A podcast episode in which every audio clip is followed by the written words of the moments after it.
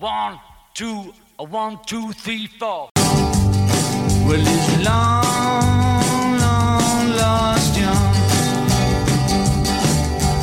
Long, long lost young. כללים כללים הם מערכת של עקרונות מנחים, חוקים, תקנות ונהלים שמכתיבים עבורנו איך לפעול, איך להתנהג ואיך לשפוט פעולות והתנהגויות של אחרים. כשהיינו ילדים קטנים, לא היינו מודעים לרוב הכללים רוב הזמן, אבל אם רק סטינו מהם, ולו במילימטר, תמיד היה מישהו שדאג ליישר אותנו. לפעמים אלה היו ההורים, הסבים והסבתות, לפעמים הגננת או המורה או המדריך בתנועה, ולפעמים המפקד בצבא, שוטר התנועה או הבוס בעבודה. וכך נוצר לאט לאט תהליך כמעט לא מורגש, שבמהלכו נוצרה סימביוזה מושלמת בין הכללים לבין ההתנהגות שלנו ומי שאנחנו. וזה דווקא די טוב לפעול לפי הכללים. זה מוכר, זה ידוע, זה צפוי מראש, זה בטוח, זה מרגיש מוגן, ובעיקר זה נוח. אפילו פעם אחת לא עולה לנו המחשבה על האפשרות לשבור או לשנות את הכללים. טוב, האמת שזה לא ממש נכון. לפעמים מאוחר בלילה, בתוך השמיכות, אנחנו מפנטזים על הפרה או על שינוי של כלל כזה או אחר. אבל זה רק לפעמים, וזו תמיד פנטזיה די מטופשת שחולפת מהר. רק שלא יבואו כל ההורים, הסבים והסבתות, הגננות, המורים, המדריכים בתנועה, שוטרי התנועה והבוסים האלה עוד פעם ליישר אותנו. אז כן, על שמירה לכללים, על הפרת הכללים ועל שינוי הכללים. נדבר בפרק היום.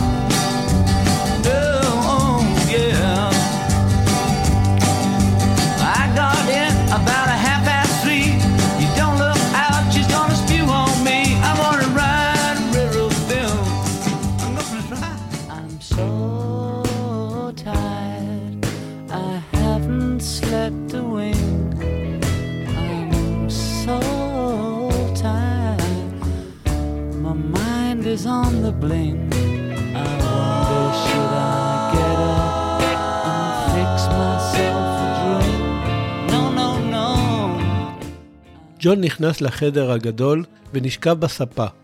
הוא הסתכל מבעד לאחד החלונות הגדולים ונהנה מהירוק ירוק העצום שסובב את הבית, וגם מהאפוריות של החורף האנגלי שבחוץ. תודה רינגו שהשאלת לנו את הבית, חשב תוך שנזכר בדירת המרתף בלונדון, שגם אותה השאיל לו רינגו. ובה התגורר עד לא מזמן עם יוקו. היה להם דווקא נחמד שם, וזה היה נוח שזה היה בתוך העיר. אבל מאז שעצרו אותם שם על קנאביס, לפני איזה חמישה חודשים, הם כבר לא כל כך רצו להישאר בה. מל אבנס, העוזר, מחפש להם עכשיו בית לקנות. ג'ון ביקש משהו באזור, איזה בית ממש גדול עם גנים רחבים מסביב. ממש כמו הבית הזה. אחר כך נראה מה יהיה הלאה, חשב ג'ון. כרגע היו לו דברים אחרים על הראש. הוא מחכה לתשובה של פיטר בראון, שעוזר לו לברר איפה הוא ויוקו יכולים להתחתן. אחר כך הם מתכוונים לעשות איזה קמפיין למען השלום העולמי, עוד לא ברור בדיוק מה ואיפה. ואחר כך פול, כן, הנודניק הזה, רוצה שיקליטו עוד אלבום אחד, והפעם באווירה טובה, כאילו. כבר לא ממש בא לי על הביטלס, חשב לעצמו ג'ון, ולא בפעם הראשונה בתקופה האחרונה. אבל עדיין קשה לו להחליט מה הוא רוצה לעשות בכלל. בזמן האחרון עולים לו פה ושם מחשבות על לעזוב את הלהקה, אבל בכל פעם זה נשמע לו ממש מפחיד. אמנם בפרויקט האחרון היו לא מעט רגעים מחורבנים, כמו כשג'ורג' עזב בטריקת דלת, אבל היו גם רגעים די כיפים, בעיקר כשכולם עלו לגג להופיע והגיעו השוטרים הטמבלים האלה. ג'ון דווקא חשב שזה נחמד להמשיך להופיע, אבל פינטז על הופעות עם אחרים, כמו שעשה בדצמבר האחרון באירוע המצולם הזה של הרולינג סטונס, Rock'n'Roll Circus או משהו, עם אריק קלפטון, קית' ריצ'רדס ומיץ' מיטשל. כך, מרוב מחשבות, שקע ג'ון בשינה מתוקה של אחר הצהריים, עד שפתאום, בלי שהבין כמה זמן הוא כבר ישן, התעורר כשהוא שומע מנגינה הנוגה מתנגנת לה ברכות.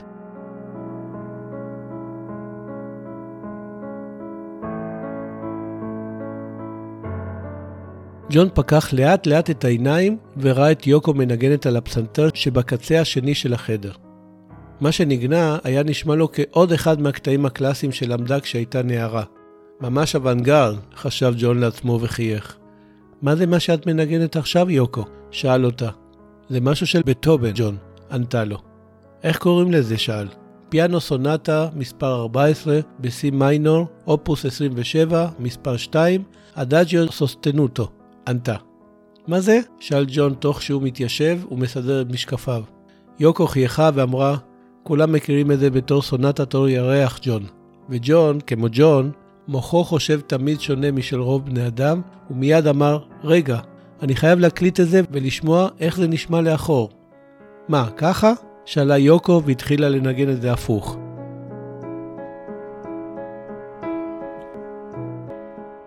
אלא שמאוד קשה היה לה לנגן ממש כשכל התווים בסדר הפוך, ופשוט ניגנה שהפכה את סדר התווים בכל ארפג'יו, כלומר, ניגנה מהתו הגבוה לתו הנמוך. ג'ון ממש אהב את זה, ורץ להביא את הגיטרה שלו.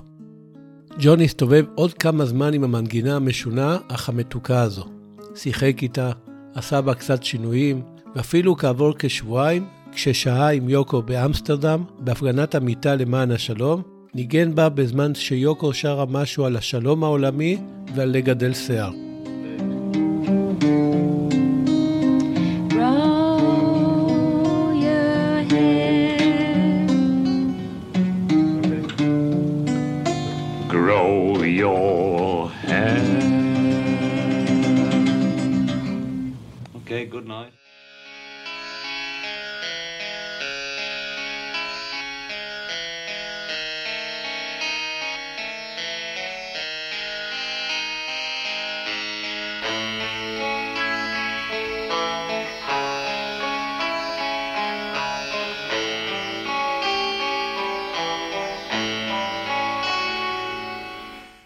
חמישה חודשים אחר כך נכנס ג'ון לאולפני EMI בלונדון והקליט על בסיס אותה מנגינה שיר חדש עבור האלבום אבי רוד.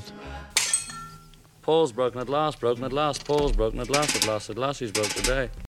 One, two, three, one, two, three.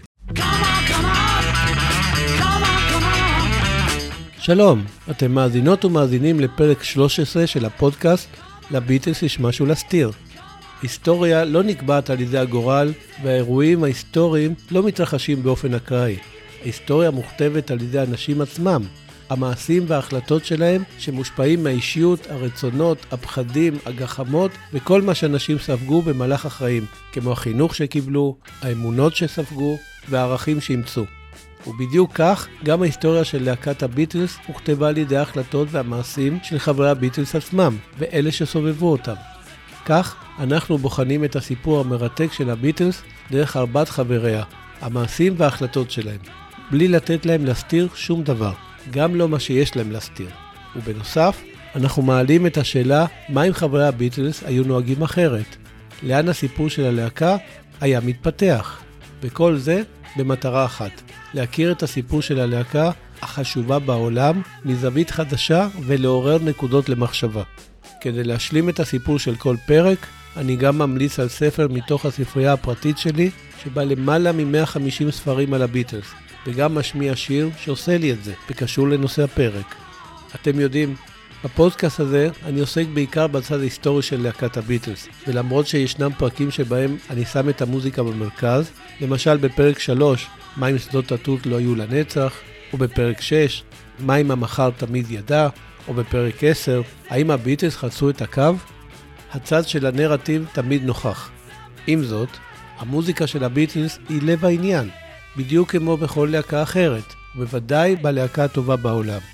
בפרק הזה נעסוק בקודש הקודשים של הביטלס, שזו המוזיקה שלהם, וננסה להבין מה יש בה. למה עדיין נחשבים הביטלס 50 שנה אחרי הפירוק ללהקה החשובה בעולם? למה מזכירים אותם בנשימה אחת לצד גדולי המלחינים כמו מוצרט, באך או בטהובן? למה ואיך השתנתה המוזיקה המערבית בעקבותיהם? אחרי הכל, אנחנו מדברים על להקה של ארבעה בחורים שמעולם לא למדו מוזיקה. וגם את האמירה הזאת נאתגר בפרק הזה.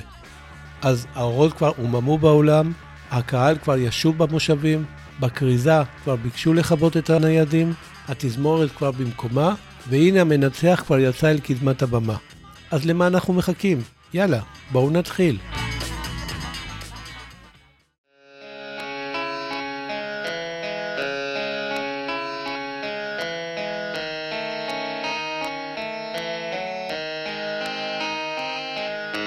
השיר ביקוז הוא דוגמה לגדולתו של אומן, במקרה הזה ג'ון לנון, שהשכיל לקחת משהו מאומן אחר, במקרה הזה בטובן, ולהפוך אותו למשהו לגמרי שונה ולגמרי משלו.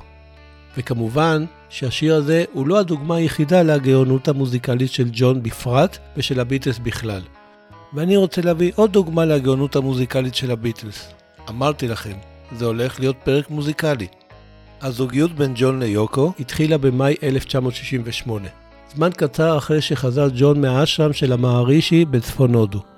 בתקופה הזו הייתה התשוקה שחש ג'ון כלפי יוקו עזה ובוערת, ועל כך אמר פעם, בתקופה הזו, אם שנינו לא היינו באולפן ההקלטות, אז היינו במיטה. ג'ון, כמו ג'ון, מוחו תמיד חשב שונה משל רוב בני אדם, והוא בחר לכנות את אהובתו החדשה בכינויים כמו מאמה או mother, כלומר אימא, ואפילו mother superior, כלומר אם המנזר. למה? טוב, הררים של דפים של טקסטים פסבדו-פסיכולוגיסטיים נכתבו על כך שג'ון מצא ביוקו את דמות האימא החזקה שתמיד חיפש. אלא שגם אם זה נכון, ג'ון סיפר דבר אחר לגמרי. ג'ון סיפר שדווקא הכינויים האלה, שהם אימהיים ולגמרי א-מיניים, העצימו את משיכתו המינית כלפי יוקו. טוב, מוחו תמיד חשב שונה משל רוב בני אדם. אמרתי או לא אמרתי? אמרתי. וזו הסיבה שבגללה אני מאמין שג'ון אמר אמת. כשבוע וחצי אחרי שהפכו לזוג, נפגש ג'ון עם יתר חברי הביטלס בביתו של ג'ורג' אריסון כדי להקליט הקלטות דמו של 27 שירים שכתבו ברישיקש. I need a fix cause I'm going down Back to the bits that I left uptown I need a fix cause I'm going down Mother Superior jumped the gun Mother Superior jumped the gun Yoko, oh no, no Yoko, oh no, yes. אחד מהם היה שיר של ג'ון בשם The Junkie, כלומר המסומם. במילות השיר הזה, יוקו הייתה מאוד נוכחת. קודם כל, כי ג'ון שיחק עם השם שלה, ואחר כך, כי הוא אומר מספר פעמים את המשפט Mother Superior Jumped the Gun. אבל מה זה אומר שהקפיץ את האקדח? על כך הסביר ג'ון. יום אחד נהגה יוקו במהירות, כשהמכונית צמודה למכונית אחרת כדי לא להיתפס על מהירות. ואני אמרתי, mother superior שוב פעלה לפני כולם, כי היא תמיד צעד אחד קדימה. הביטוי jump the gun, כוונתו לפעול לפני כולם. כי להקפיץ את האקדח, משמעותו להיות זה ששולף ראשון בדו-קרב. אבל ג'ון, כמו ג'ון, עשה כאן שימוש בכפל לשוני, והמשמעות הנוספת של המשפט היא לגמרי מינית. ואני מעדיף לא לפרט כי אני רואה שיש כאן ילדים.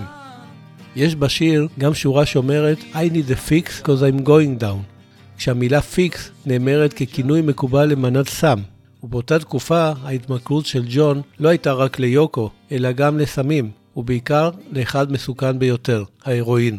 ומכאן השם של השיר The Junkie, כלומר המסומם. זמן מה אחר כך החלו ההקלטות לאלבום הלבן, ובאחד הימים עיין ג'ון במגזין אמריקאי בשם The American Rifleman, שהביא לאולפן ג'ורג' מרטין, המפיק המוזיקלי. במגזין הייתה כתבה שהכותרת שלה הייתה Happiness is a warm gun, כלומר, אושר הוא אקדח חם.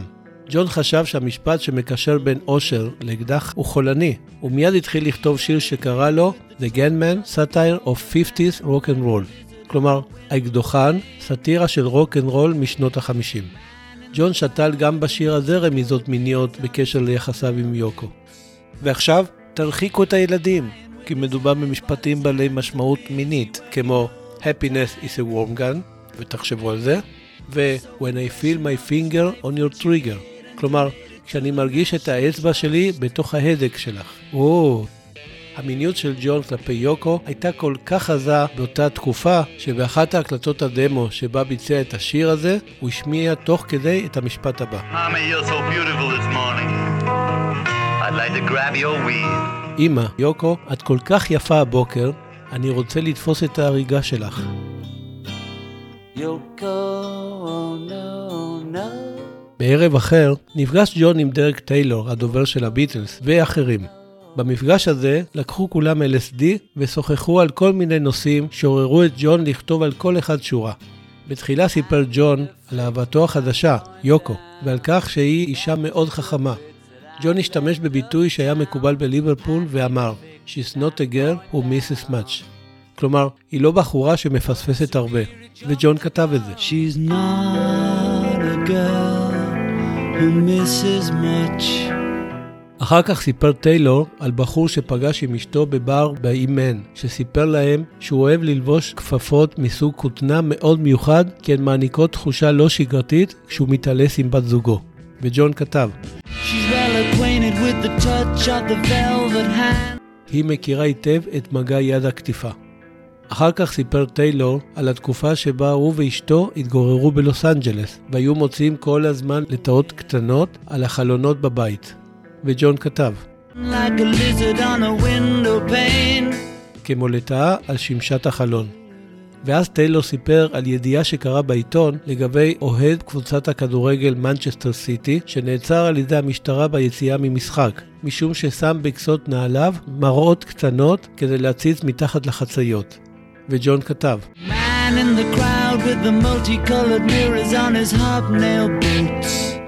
איש בקהל עם המראות הצבעוניות על קצות המגפיים שלו. אז סיפר טיילור על ידיעה שקרה בעיתון על בחור שלבש גלימה ובה היו מותקנות זרועות מלאכותיות כהסוואה ובעזרת ידיו האמיתיות שהיו מוסתרות מתחת לגלימה גנב פריטים מחנויות.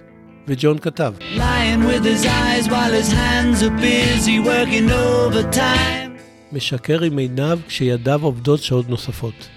בהמשך דיבר טיילור על כך שבליברפול מתלוננים הולכי הרגל שהם נתקלים בצרכים שמשאירים אנשים מאחורי השיחים במקומות הציבוריים. תופעה שהם מכנים, בהומור ליברפולי אופייני, תרומות ל-National Trust, שהוא הארגון האחראי על שמירת המקומות הציבוריים בבריטניה. וג'ון כתב,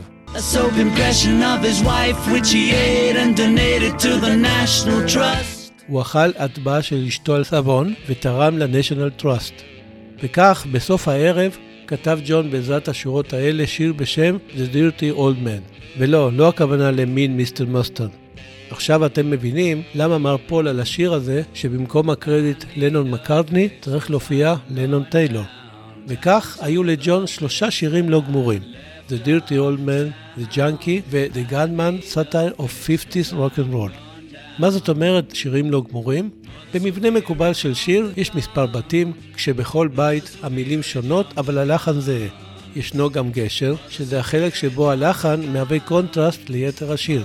ויש את הפזמון, שהוא החלק בשיר שחוזר על עצמו מספר פעמים עם אותה מנגינה ואותן מילים. בכל אחד משלושת השירים הלא גמורים היה רק בית אחד ולא היה גשר או פזמון. אז מה ג'ון עשה? טוב, לא זוכר אם אמרתי כבר, אבל מוחו של ג'ון פועל שונה משל רוב בני אדם. אז במקום לסיים את השירים, הוא חיבר ביניהם, וכך יצר שיר חדש, Happiness is a warm gun. האמת היא שזו לא הפעם הראשונה שהביטלס עושים את זה. המקרה המפורסם ביותר הוא של השיר A Day in the Life, שם חיברו שני שירים לא גמורים, אחד של ג'ון oh.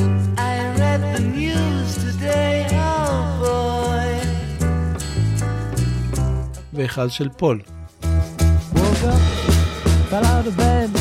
וגם בשיר הזה אין פזמון.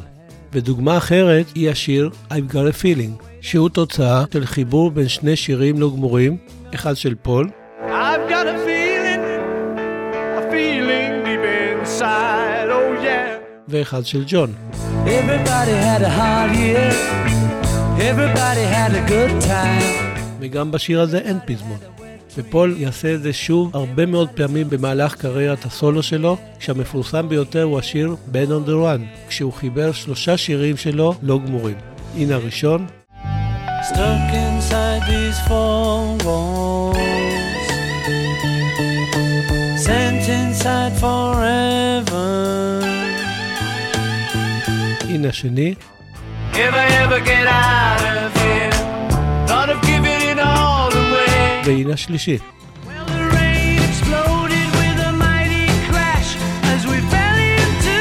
sun. אבל בשיר Happiness is a Warm Gun הלך ג'ון צעד אחד קדימה ולא רק יצר שיר בלי פזמון, אלא שיר שבו כל חלק הוא בעל סגנון שונה. וכל אחד מתפתח אל תוך השני, ואף אחד לא חוזר על עצמו, לא מבחינת הלחן ולא מבחינת המילים. וביחד יוצרים קו קוהרנטי אחיד. רגע, זו הגדרה של רפסודיה.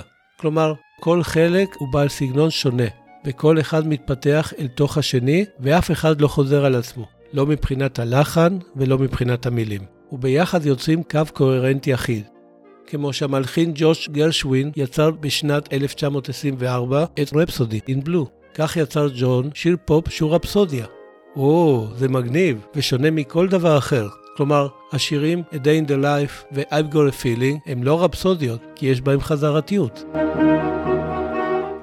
איך בכלל הגיעו הביטלס מעולם הרוקנרול, בתחילת דרכם, אל כתיבת רפסודיות או שירים שמבוססים על מוזיקה קלאסית, כמו השיר Because? כידוע, חברי הביטלס גדלו על מוזיקת הרוקנרול, שזה היה הז'אנר שהלהיב את הנוער באותה תקופה. זו הייתה מוזיקה עם הרבה מאוד כוח, עוצמה והשפעה אדירה לדור הזה. עם זאת, מבחינה מוזיקלית זו הייתה מוזיקה די, איך אני אגיד את זה בלי להעליב? די פשוטה עד פשטנית עם סיכויים לרדידות. במיוחד אם משווים אותה למוזיקה שהייתה קצת לפניה, כמו הג'אז, הרקטיים והביבופ. כלומר, שירי הרוקנרול, לא נעים לומר כי אני דווקא מת עליהם, היו שירים עם לחנים שבהם לא היו יותר משלושה אקורדים, עם מקצב ומבנה מוזיקלי פשוט והרבה מאוד חזרתיות, ומילים, אוי המילים, Sorry guys, אבל מאוד מאוד פשוטות עד פשטניות שלא אומרות כלום עד שום דבר. אבל הנוער, כולל חברי הביטלס עצמם, עפו על זה. פול מקרני אמר פעם שבלי קארל פרקינס הביטלס לא היו קיימים. וג'ון לנון אמר שלפני אלוויס לא היה כלום. אפילו השם הביטלס, יענו החיפושיות. קיבל את ההשראה מהשם של להקת The Crickets, יענו הצרצרים, הלהקה של באדי הולי. אחרי הרוקנרול הגיעה מוזיקת הפופ, וגם היא סבלה מאותה בעיה של פשטנות יתר מצד אחד, ואהבת קהל מטורפת מצד שני. כתגובת נגד לאותה מוזיקה פשטנית, קמה תנועה של מלחינים שהגיעו למסקנה שהמוזיקה המערבית הגיעה לשפל המדרגה, וזה הזמן להמית אותה וליצור מוזיקה אחרת. מה זאת אומרת? שצריך לשבור את כל הכללים שהתגבשו במשך מאות השנים בתהליך התפתחות של המוזיקה המערבית, כולל המוזיקה הקלאסית, וליצור מוזיקה בלי כללים. עדיין לא ברור? איך אני אסביר לכם את זה? תדמיינו מערכת שמש שבה הכוכבים לא סובבים יותר סביב השמש, אין ירחים שסובבים סביב הכוכבים, וכל כוכב נע איך ומתי שהוא רוצה. עכשיו זה יותר ברור? בואו נשמע רגע קטע קטן מאחת היצירות היותר מוכרות של המלחין הצרפתי פייר בולז, שהיה אחד המובילים של התנועה החדשה. שמו של הקטע הוא פטיש ללא בעלים.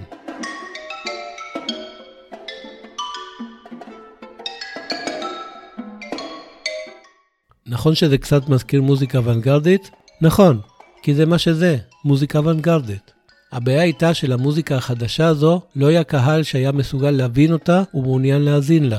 אבל המלחינים הללו מאוד מהר פתרו את הבעיה הזו. מבחינתם, אם טעם הקהל הוביל לרמה הרדודה שאליה הגיעה המוזיקה המערבית, אז לעזאזל הקהל.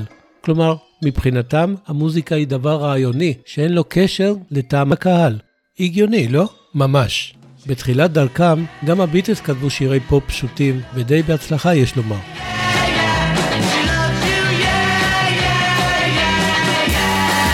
אבל גם הם חשבו שצריך מוזיקה אחרת, מרתקת יותר, מתוחכמת יותר, מלהיבה יותר. אלא שלעומת התנועה האוונגרדית, הביטלס לא התעלמו מטעם הקהל, ההפך. לכן הם הציעו אלטרנטיבה שונה שלא דוגלת בשבירת הכללים, אלא בשינוי הכללים ויצירת מוזיקה מרתקת יותר, מתוחכמת יותר, מלהיבה יותר. איך הביטלס עשו את זה? באמצעות שילוב אלמנטים וז'אנרים מוזיקליים מתקופות וממקומות שונים אל תוך מוזיקת הפופ. כך שמצד אחד יצרו מוזיקה מרתקת, מתוחכמת ומלהיבה, ומצד שני הקהל עף על זה. הביטלס התחילו לשנות את כללי המוזיקה כבר בשנת 1964, אבל לאט לאט. כשהגיעו לשלב שבו כתבו שירים כמו Strawberry Fields Forever, המוזיקה שלהם השתנתה לחלוטין. העיבודים, המורכבויות והעומק של השירים שלהם הפכו אותם לחדשנים, חסרי תקדים ולא דומים לשום דבר אחר.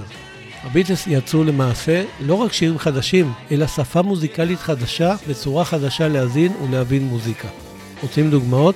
הנה מספר דוגמאות מתוך המון אחרות. בלחן של השיר אלינור ריגבי שילבו הביטלס אלמנטים מהמוזיקה הקלטית. בשיר When I'm 64 שילבו הביטלס אלמנטים מהמוזיקה של הוולדוויל. מה זה וולדוויל? זה הסוג של מופעים בידוריים שהיו פופולריים בסוף המאה ה-19, תחילת המאה ה-20, וכללו ריקודים, קומדיות, מופעי סטנדאפ, קסמים, לוליינות, להטוטנות והרבה מאוד מוזיקה עליזה. Will you still feed me when I'm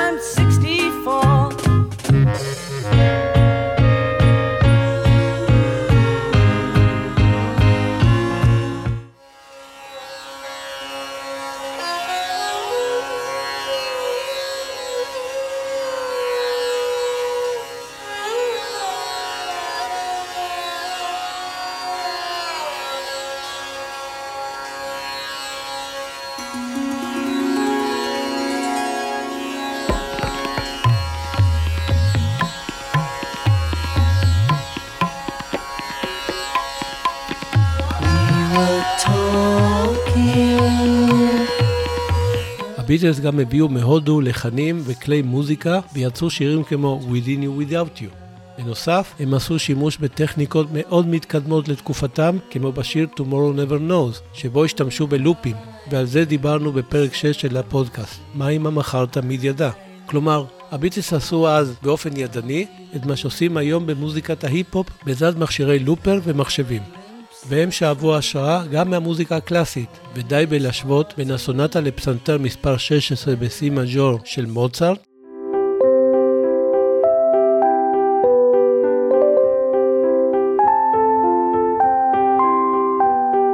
לשיר יסטרדי.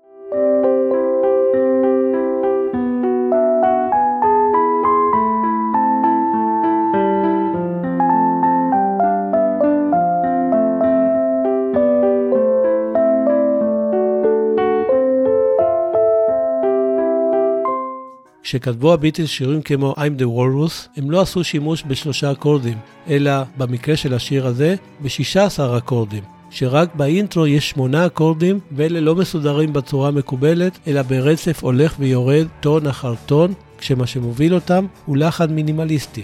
ומכאן ממשיך השיר ללחן שכתב ג'ון כשקיבל השראה מסירנה משטרתית, שזה צליל לגמרי אנטי מוזיקלי, והפך אותה לדבר יפהפה הודות להרמוניה שמתנגנת ברקע. I am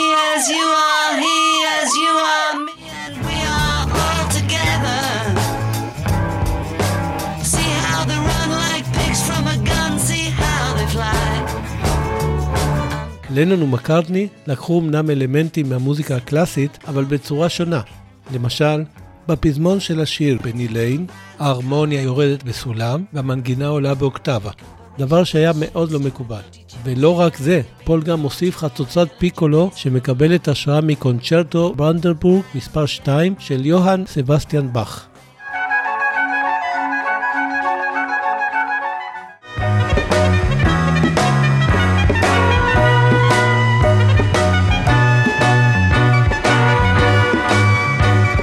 והביטלס עשו דברים חדשים גם בצורה שהקליטו מוזיקה.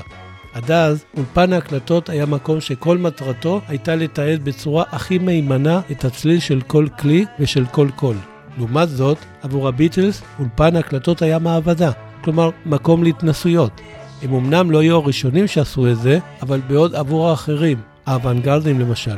הפקת צלילים חדשים הייתה המטרה כולה, עבור הביטלס זה היה האמצעי ליצור שירים עשירים יותר. למשל, בשיר I'm the Walrus, הם נעזרו בלהקה של זמרים בשם מייק סאמס סינגרס, שאמרו משפטים חסרי משמעות, וכך יצאו צלילים חדשים. או ברינגו, ששיחק עם התדרים של טרנזיסטור, שהשמיע קריין שמדקלם טקסט של שייקספיר. דוגמה אחרת היא בשיר Tomorrow Never Knows. שם נעזרו ברמקול שהיה מיועד לאורגן, כדי שהקול של ג'ון יישמע כאילו זה קול שבא מהירח, כפי שביקש להישמע.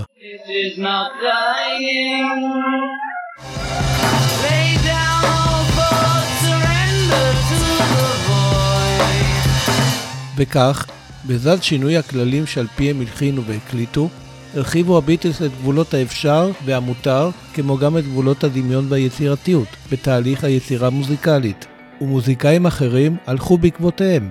מה זה מוזיקאים אחרים? כולם, עד היום.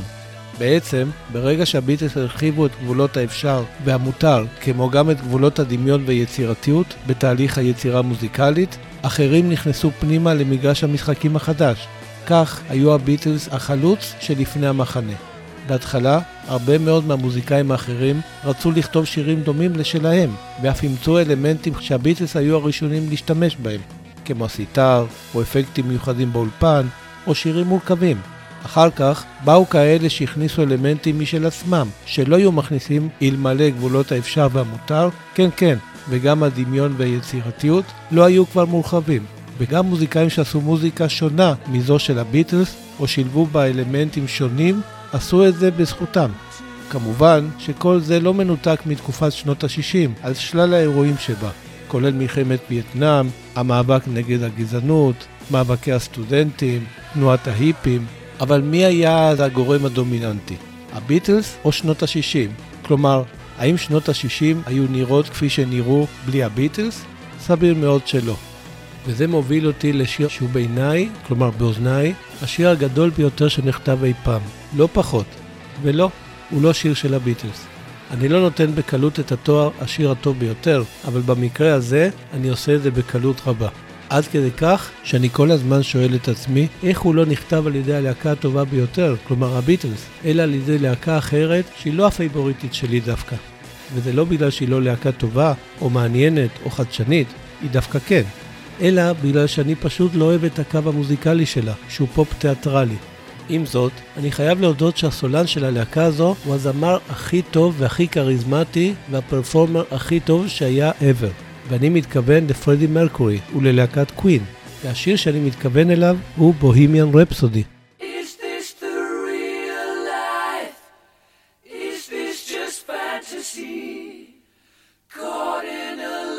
Landslide, no escape from reality. והנה הפתעה, גם השיר הזה, כשמו, הוא רפסודיה. ואיך הוא קשור בביטלס? טוב, אמנם אין שום תיעוד שמוכיח שמרקורי הושפע מהביטלס כשיצר את השיר הענק הזה, אבל אני טוען שהוא כן. כמו Happiness is a Warm Gun, גם בוהימיאן רפסודי הוא חיבור בין שלושה שירים לא גמורים, אבל מרקורי הוסיף לו עוד שני חלקים, כך שהשיר מורכב מחמישה חלקים שונים. הקפלה? הבלדה,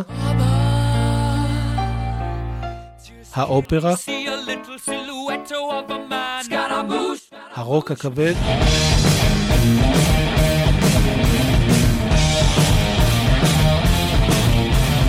והקודה, שזה החלק הסוגר את השיר. ולמה אני טוען שהשיר Bohemian Rhapsody הושפע מהביטלס? לא, זה לא בגלל שבזמן ההקלטה שלו ניגן מרקורי בדיוק על אותו פסנתר שעליו ניגן פול מקרני כשהקליט את היי hey ג'וד, שבע שנים קודם. ולא, זה לא בגלל שבשנת 1969, כשהתגורר מרקורי ברחוב פני ליין שבליברפול והיה חבר בלהקה מקומית בשם אייבקס, ביצע את השיר Rain של הביטלס בהופעות שהתקיימו במועדון מקומי.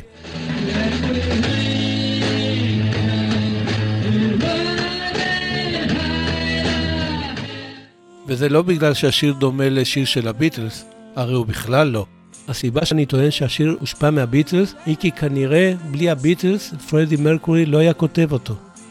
כפי שהסברתי קודם, הביטלס לימדו את העולם המערבי, כולל את מרקורי, כי אפשר לכתוב מוזיקה בצורה אחרת ולהקליט אותה בצורה אחרת. בזכות התפיסה הזאת החליט מרקורי לכתוב שיר פופ במבנה של בוהמיה ולשלב בו חלק עם סגנון של אופרה. אופרה! ולמה בכלל שישלבו אופרה בשיר פופ? טוב, כבר אמרנו, כי הביטלס הרחיבו את גבולות האפשר והמותר, כמו גם את גבולות הדמיון והיצירתיות בתהליך היצירה המוזיקלית. ומרקורי, שהיה מוכשר בטירוף, יצר שיר שהקהל מאוד מאוד מאוד אהב, וכל מאוד נוסף לא יהיה מיותר. ועכשיו, מאחר והמהפכה שיצרו הביטלס במוזיקה המערבית נעשתה בלי שהם למדו מוזיקה, מתבקשת השאלה, מה אם הביטלס היו לומדים מוזיקה? והתשובה היא די פשוטה. למרות שכולם אוהבים לספר שהביטלס לא למדו מוזיקה, הטענה הזו שקרית לגמרי. הם למדו מוזיקה עד לרמת המאסטר. נכון, הביטלס לא למדו מוזיקה בצורה פורמלית ולא ידעו לקרוא ולכתוב תווים, אבל הם בהחלט למדו מוזיקה. איך? קודם נשמע את פול. I don't read music or write music. None of us did in the Beatles. We did some good stuff though, but none of it was written down by us. It's basically notation. That's the bit I can't do because I don't see music like that. אני לא קורא או כותב תווים, וכמוני אף אחד מחברי הביטלס. ובכל זאת, כתבנו חומרים די טובים. אבל אף פעם לא כתבנו את התווים. אלה רק סימונים, ואני לא רואה מוזיקה כסימונים. אז איך זה שבלי ללמוד מוזיקה בצורה פורמלית, למדו הביטלס מוזיקה עד לרמת המאסטר? בראשית שנות ה-60 שהו הביטלס תקופות ארוכות מאוד בהמבורג, שם הופיעו שבעה ימים בשבוע, 8 עד 12 שעות ביום, וכדי לא להשתעמם, הם אלתרו שירים, הפכו אותם משירים של 3 דקות לשירים של 20, 30 ו-40 דקות, ואפילו יותר. ביצעו שירים בסגנונות שונים, גם כאלה שלא יהיו טבעיים ללהקת רוקנרול קשוחה שלובשת בגדי עור, כמו שירי בולרו מקסיקנים, למשל בסה ממוצ'ו, או שירים מסרטים כמו Over the Rainbow, ושירים ממחזות זמר, כמו Tinder Was You. הביטלס ביצעו גם גרסאות כיסוי של הרבה מאוד שירים, חלקם להיטים, ובניגוד ללהקות אחרות, חלקם שאינם להיטים. גם כשחזרו לליברפול והפכו ללהקה פופולרית בעיר וסביבותיה, הם הופיעו כמעט בכל יום ולעיתים מספר פעמים ביום. זה מוביל אותי לתיאוריה שהציג הסופר והמרצה המפורסם מלקולם גלדוול, לפיה כדי שאדם יגיע להתמחות ברמת המאסטר, עליו ללמוד, לתרגל ולעבוד בתחום שלו לפחות עשרת אלפים שעות, וזה בחישוב גס, המינימום שהביטלס למדו, תרגלו ועבדו. הרי בלי הידע העצום במוזיקה שהם צברו בסופו של דבר, הם לא היו יכולים לשנות את הכללים וליצור מוזיקת פופ חדשה, מרתקת, מתוחכמת ומלהיבה. ועכשיו אני רוצה להמליץ על ספר מתוך הספרייה שלי, והוא ספר שכתב ג'ף אמריק, מי שהיה טכנאי הקול בהקלטות של הביטלס על האלבומים החשובים שלהם, החל מריבולבר ועד Abbey Road, עם הפסקה מסוימת באמצע. התרומה של אמריק באולפן ההקלטות לדברים החדשים והחדשניים שעשו הביטלס הייתה מאוד גדולה, ועל כך קיבל את פרס הגראמי על עבודתו באלבומים Sergeant Pepper's Lonely Hearts Club Band ו Abbey Road. בספר שלו, Here, There and Everywhere, My Life Recording the Music of the Beatles, שיצא בשנת 2006, מתאר אמריק את החידושים שעשו הביטלס באולפן והאפקטים שהם יצרו. אמנם סובל הספר ממספר בעיות, בעיקר מפרו-מקרדניזם מופרז, ומצד שני, מהערכת חסר מופרזת כלפי ג'ורג' ורינגו, אבל עדיין אפשר ללמוד ממנו הרבה על הגאונות המוזיקלית של הביטלס בתחום ההקלטות. אני מאוד ממליץ. אז רגע לפני שנשמע את השיר שעושה לי את זה, אני מאוד רוצה להזמין אתכם ואתכם לבקר באתר האינטרנט שלי, האמת מאחורי הביטלס, האתר לשימור מורשת הביטלס בישראל. תזכרו, www.beatles.org.il וזה הכל. האתר מכיל עולם ומלואו שכולו ביטלס ובו תוכלו למצוא חומרים מגוונים, ייחודים ואיכותיים על כל מה שתרצו לדעת על הלהקה החשובה בעולם. כולל הרבה מאוד דברים שלא תמצאו באתרים אחרים, כמו עצי השורשים של כל אחד מחברי הלהקה, תמונות ומפות לטיולים מקיפים בעקבות הביטלס במקומות שונים בעולם, אותם תוכלו לעשות באופן עצמאי, ויש בו גם אזור VIP שאם תירשמו אליו תוכלו ליהנות ממנו וזה ממש שווה. את התכנים שלי אפשר לקרוא גם בפייסבוק שלי וגם בכל קבוצות הפייסבוק המובילות שעוסקות בביטלס ובמוזיקה, כמו הקבוצה של להקת המג'יקל בן הנהדרת, רוקן טאון, הקבוצה של פורום תפוז המיתולוגי, The Beatles Fans ועוד. אז תודה רבה שהאזנתם והאזנתם לפודקאסט לביטלס יש משהו להסתיר. תמשיכו לכתוב לי ולספר לי מה דעתכם ולהציע לי נושאים לפרקים עתידים. אני מאוד אוהב את התגובות שלכם ותמיד עונה לכל מי שכותב לי. ואם אתם אוהבים את לביטלס יש משהו להסתיר, תצביעו באתר podcastim.org.il וגם תספרו עליו לכל מי שאתם אוהבים. הפודקאסט זמין בכל האפליקציות האפשריות. אני הייתי גבי פישמן, וניפגש בפרק 14, שיהיה פרק על האירוע הטראומטי ביותר שקרה ללהקת הביטלס. סקרנים, מה? חכו, זה יגיע בפרק הבא. אז זהו, הגענו לחלק שבו אני משמיע את השיר שעושה לי את זה בקשר לפרק. והפעם אחרוג ממנהגי ולא אביא שיר של הביטלס. אמרתי קודם שללהקת קווין היה הסולן הטוב והכריזמטי ביותר, אז השיר שעושה לי את זה בקשר לפרק הזה הוא בוהימיאן רפסודי, שנכלל באלבום A Night at the Opera, שהוא האלבום הטוב ביותר של קווין, לדעתי. מרקורי אף פעם לא סיפק הסבר למשמעות של השיר, וכשלא מספקים הסבר, אז מתפתחות ספקולציות. יש כאלה שטוענים שהשיר הוא על להקת קווין עצמה, וכל דמות מייצגת את אחד מחבריה. כך, סקרמוש, שהוא הליצן מהקומדיה דל ארטה האיטלקית מהמאה ה-16, מייצג את מרקורי עצמו, שראה את עצמו כליצן עצוב. גלילאו, שהוא גלילאו גלילי, אסטרונום מהמאה ה-17, מייצג את הגיטריסט בריאן מיי, שלמד פיזיקה, מתמטיקה ואסטרונומיה. בל זבוב, שהוא בעצם בעל זבוב, המוזכר בספר מלכים כאל דמוני כנעני, מייצג את המתופף רוג'ר טיילור, שהיה איש די פרוע. ופיגארו, שהוא החתול מהסרט פינוקיו של וולט דיסני, מייצג את הבסיס ג'ון דיקון, שפרדי תמיד השווה לחתול שלו. אבל יש אחרים שטוענים שהשיר בוהימיאן רפסודי הוא בעצם שיר אוטוביוגרפי שבו חושף מרקורי את נטיותיו הביסקסואליות. ויש הטוענים שהשיר מייצג משפט של רוצח, Just kill the man, כשהקטגור אומר We will not let you go, וסנגור אומר let him go, והאמת, זה לא ממש משנה. אחרי הכל, זה לא הפודקאסט, לפרדי מרקורי יש משהו להסתיר. אז תהנו מהשיר, לפחות כמוני, ובינתיים, יאללה ביי!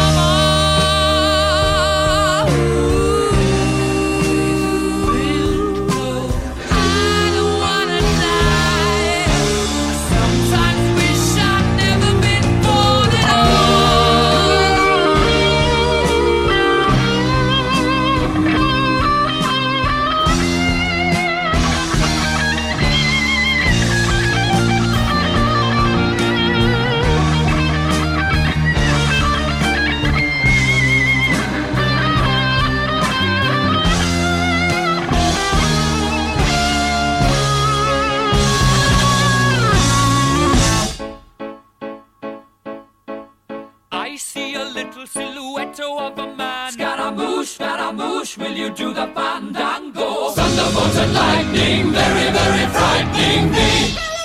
Galileo, Galileo, Galileo Figaro. Magnifico! I'm just a poor boy, nobody loves me. He's just a poor boy from a poor family, sparing his life from this monstrosity. Easy come, easy go. Will you let me go? Bismillah. No, we will not let you go. Let him go. Bismillah. We will not let you go. Let him go. Bismillah. We will not let you go. Let me go. We'll not let you go. Let me go. We'll not let you go. Let me go. Mamma mia, mamma mia. Mamma mia, let me go. Beelzebub has a devil put aside for me, for me, for me.